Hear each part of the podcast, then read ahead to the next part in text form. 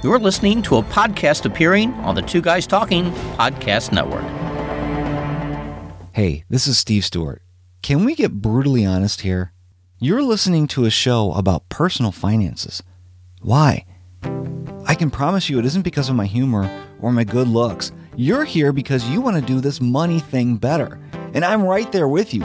I want you to learn what has taken me a decade to realize that you can live with no debt no credit, and have no problems. Are you ready to get started? Come on, take my hand. Let's go. This is Joe Salcihi from Stacking Benjamins. You are listening to Steve Stewart on No Debt, No Credit, No Problems, part of the Two Guys Talking Podcast Network.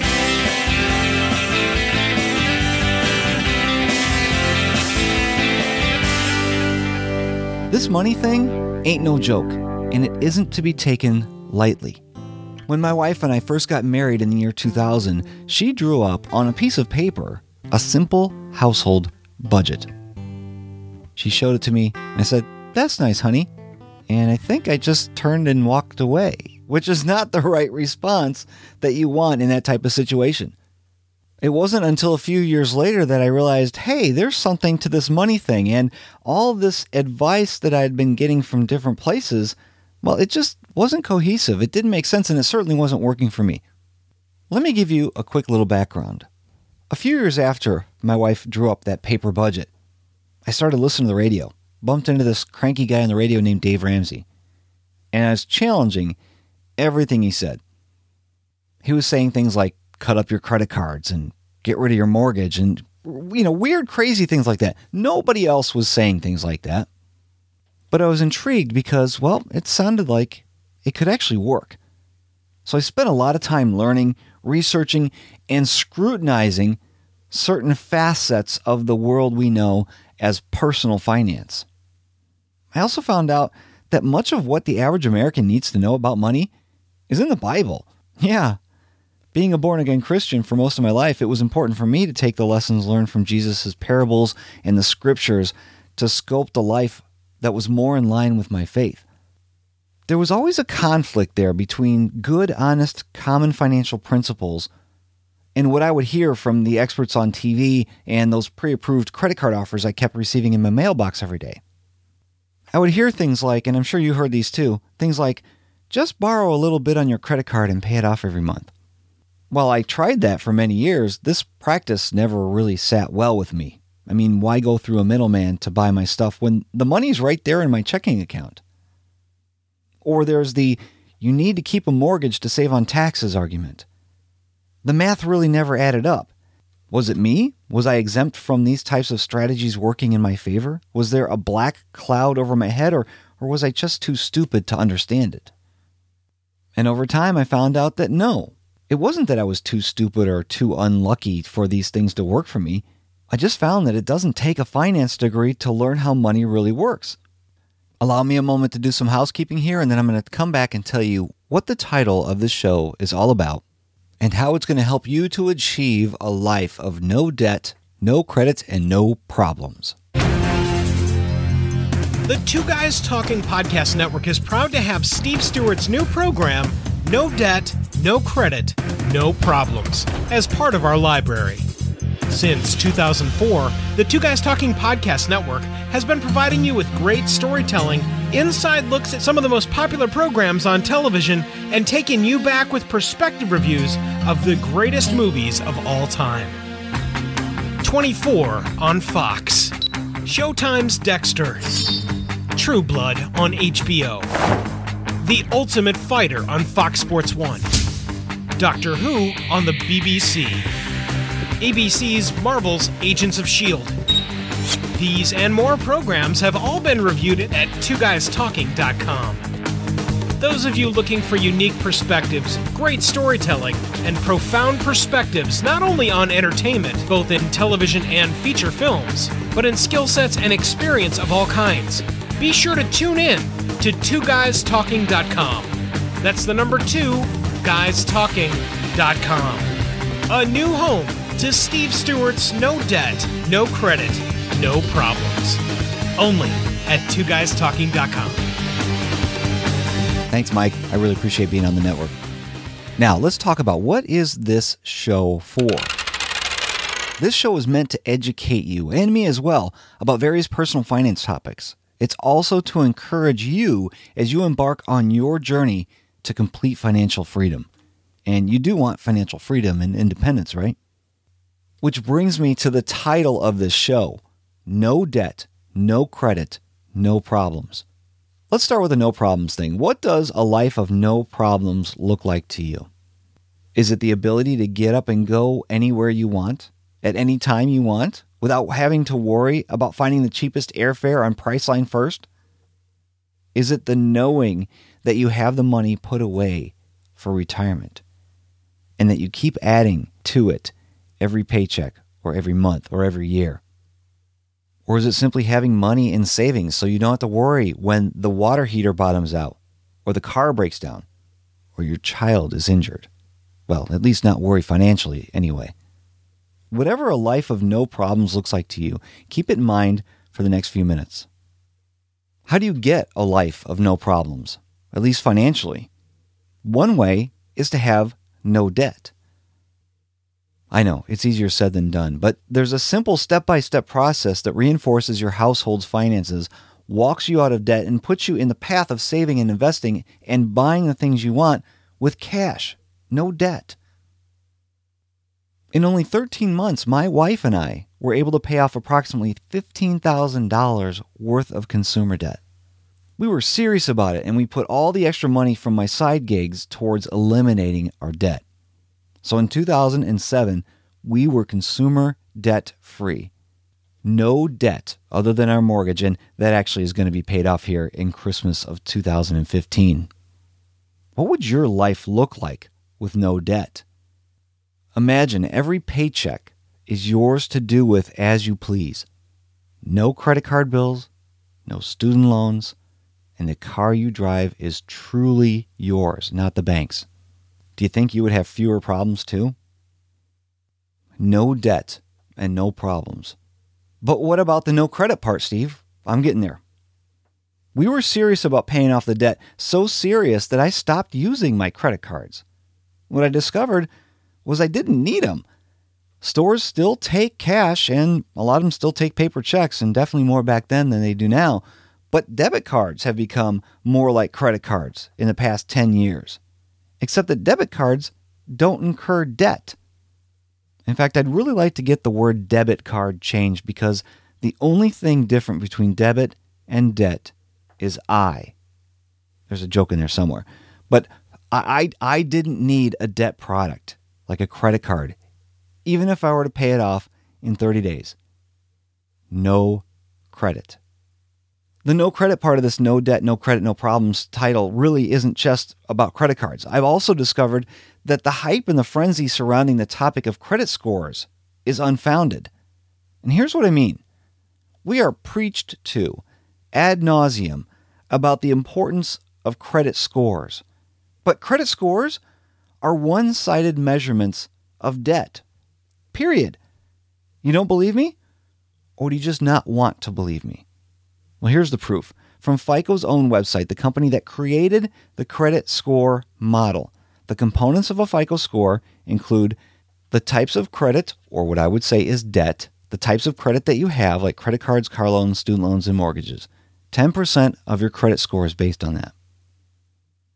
Also, how much new credit or debt that you have, like opening up a new credit card. That's also 10% of your FICO score measurement. 15% is your credit history on your debts. 30% is the amount owed, and of course that means debt. The amount owed versus how much available credit you have, meaning if you've got a $3,000 credit limit and use 1500, you're at a 50% utilization rate. And 30% of your score is based on that type of a calculation. And then the big honkin mambo jumbo, 35%, one third basically of your credit score is the payment history on your debts. It's all about the debts, about the debts, your credit. Now, what the media and the financial experts will tell you is this that your credit score is important for renting a car, that your credit score is important for getting a job, which has been proven to be absolutely false, and that your credit score is important to your relationships. Yeah, we're going to have an episode on that coming up soon. But the credit score is just a three digit number based on debt. What if you have no debt because you want to have no problems? Can someone have a credit score if they've never opened a credit card or borrowed money on a car or college loan? The simple answer is actually no. You can't have a credit score if you don't have any debt products or bad debts. But does that really matter? I'm telling you, it's possible to have no debt, no credits, and no problems. How? Stop worrying about your credit score and simply do things that make you credit worthy, which, by the way, does not necessarily include debt. You can buy anything you want without debt, so long as you have the money. You can actually buy a house without a credit score. Can you believe that? Yes, there will be a background check, but if nothing is found to indicate that you're a drug dealer or a counterfeiter, then why would somebody turn away a briefcase full of cash? That's a joke, but you get the idea, right? Stop worrying about your credit score and be cognizant of what makes you credit worthy. What's the difference between having a good credit score and being credit worthy? Well, as I said before, a credit score is based on debt. You can obtain a great credit score by spending time reading articles about building credit, opening up new lines of credit, using the credit, and flirting with debt. However, you can be credit worthy without debt. Let's take John for example. John bought a used car with cash in high school. His parents opened a checking account and he used his debit card for purchases online. He saved his money from working during the summer, obtained some scholarships, and his parents were able to help him pay for the remainder of his college education without ever having to take out a student loan. John has no debt, no credit cards, no credit history, and graduated out of college with a positive net worth, albeit a small one. Do you think John could qualify for a car loan, rent an apartment, or qualify for a small business loan? Of course he could. Who wouldn't want a young, responsible young man like John as a customer? John is credit worthy, but he doesn't have a credit score. I have not had an open credit card account or any debt other than our mortgage for almost eight years. Yet my family and I have remodeled the kitchen. That was $15,000 in 2009. We replaced all the windows in our house. That was 7500 bucks just this last year. And we've taken vacations to a secluded horse ranch in the Sunlight Basin near Cody, Wyoming. Each time it costs us about $7,000, which to me that's a lot of money for a trip, but it's that's our thing and we save up and pay cash for it. We've flown, we've rented cars, we've eaten at restaurants and we've rode horses in the mountains without a single credit card transaction. How's that possible? Well, I stopped worrying about my credit score and instead began to focus on the real goal. No debt, no credit, and we've got no problems. Now, to be perfectly clear, I do have a mortgage, so yes, we do have debt, and I'm not going to justify a mortgage, and I'm certainly not going to qualify a mortgage as quote unquote good debt, but we've we've had the mortgage since before I had money really worked. And before we paid off all our consumer debt, we took out the mortgage for this house. And yes, a mortgage is a debt product, but I won't talk someone out of getting a mortgage if they've walked through the three steps to know if you're ready for a mortgage. And that in itself can be an episode for another day. So going forward when I talk about no debt, that could be considered either no consumer debt and only a mortgage or no debt period. Either way, you're better off than 76% of Americans who live paycheck to paycheck. They're stressed out about money and they're damaging relationships. Do what's right for you. The world is going to tell you over and over and over again you can't live without credit, you can't be a student without a loan, you need to borrow at low interest rates, blah, blah, blah. This insane amount of consumer debt being shoved down our throats, it's a relatively new problem, and it has infiltrated every pore of our culture. You can't watch television without being asked what's in your wallet. You can't buy a sweater or skimpy underpants without being asked if you want their brand of credit. You can't even get a quote to replace the carpet or windows in your house without the construction guy turning into a finance officer. Enough. Stop believing the credit score lie. Come to an understanding in your heart that you can get by in America without credit cards. Know from my experience as well as the experience from hundreds of other debt freedom fighters out there that you can buy a reliable used car at a great deal with cash, literally and figuratively. Believe that you can, that you can live with no debt, no credit, and have no problems. And guess what? You've already got a debt free date.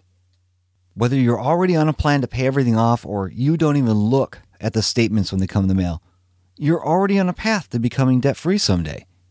Even if you don't pay extra on your debts, you will be debt free someday if, if you stop borrowing money.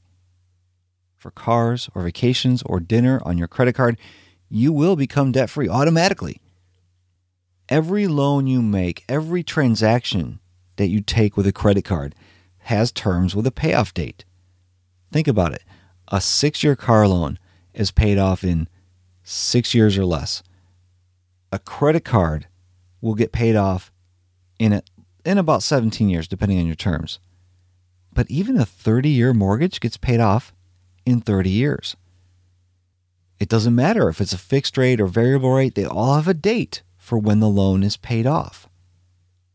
The reason we don't get out of debt, and I'm going to insult some people here, but the reason we don't get out of debt is because we decide loan after loan to stay in debt. We extend our debt-free date every single time we swipe our credit cards or we sign on the dotted line to finance furniture. You're on your way to complete financial freedom the day you commit to stop borrowing more money. And what would it feel like to have no payments? A paid for car, paid for clothes, a paid for house. All you'd have to pay for are your monthly bills like food, utilities, gas for the car, other necessities of life. How much could you spend on sporting events or vacation? How much could you give? What would your life be like when you quit a second job because you no longer need the extra income to make the car payment? Can you imagine acing an interview because this is what you were born to do and because you don't have anything other than your normal monthly bills and you have a stash of cash in the bank, it can become a real possibility. That's what a basic financial education can do for you, and this show is going to be full of very basic financial education. I want to be your encouragement, your encouragement to stick to your money plan, to stay the course, to beat your debt senseless and escape the debt slaughter to be aware and knowledgeable of different financial products, strategies, and to know what services are good and what services are bad for your money. And to start living your life on your terms, not the bank's. A lot of people are going to call this a get out of debt show. It's really a get control of your life show. And here's what you can expect. The first three episodes, this one included, are going to be your basic introductions to the different people who are going to be part of this show on a regular basis. You'll understand more in just a second. But this is how the show is going to be structured to help you. Number 1, the first segment of a show will be a topic, usually an interview about a financial product, a service, or even a financial concept. The second segment will be a short segment about income taxes because, believe it or not, income taxes affect a lot of the decisions we make. Andy Magnus, who spent time as an IRS agent, he'll be a regularly featured guest and he's going to bring a bit of humor to this very heavy subject and you'll hear more about Annie Magnus's story in the second episode of this program. And then third, do you want to learn the habits of the rich? Tom Corley, who studied self-made millionaires and poor people, has given his seal of approval to have his rich habits featured on every episode of this show. And Tom will be the featured guest on episode 3 talking about how habits form our decisions. And in that episode, we're also going to have a very special announcement. So how can you get this content automatically? Easily. Let's make it so it's hard for you to miss. Well, first of all, you can sign up for my newsletter at stevestewart.me/newsletter. Not only will you know when a new episode comes out, but you'll also get to download the Attention to Money Guide resource, which will tip you off as to when to focus on various money topics and receive timely reminders via email. I just recently sent out an email with tips for making your online passwords more secure. You know, is your password 123456? Do you use the same email or username for Facebook as you do for online banking? And what are some of the tricks that we used in elementary school that can help us create strong yet memorable passwords? This is the type of service you will receive by signing up for my email list at stevestewart.me slash newsletter. If you're an avid listener of podcasts like me, then sign up to get the show automatically by subscribing for free in iTunes or in Stitcher. And if you enjoy the show, please leave it a review. I'd appreciate it. And then finally, let's start a conversation. I'm putting links in the show notes right there on your smartphone device or it's at the website where you're listening to this.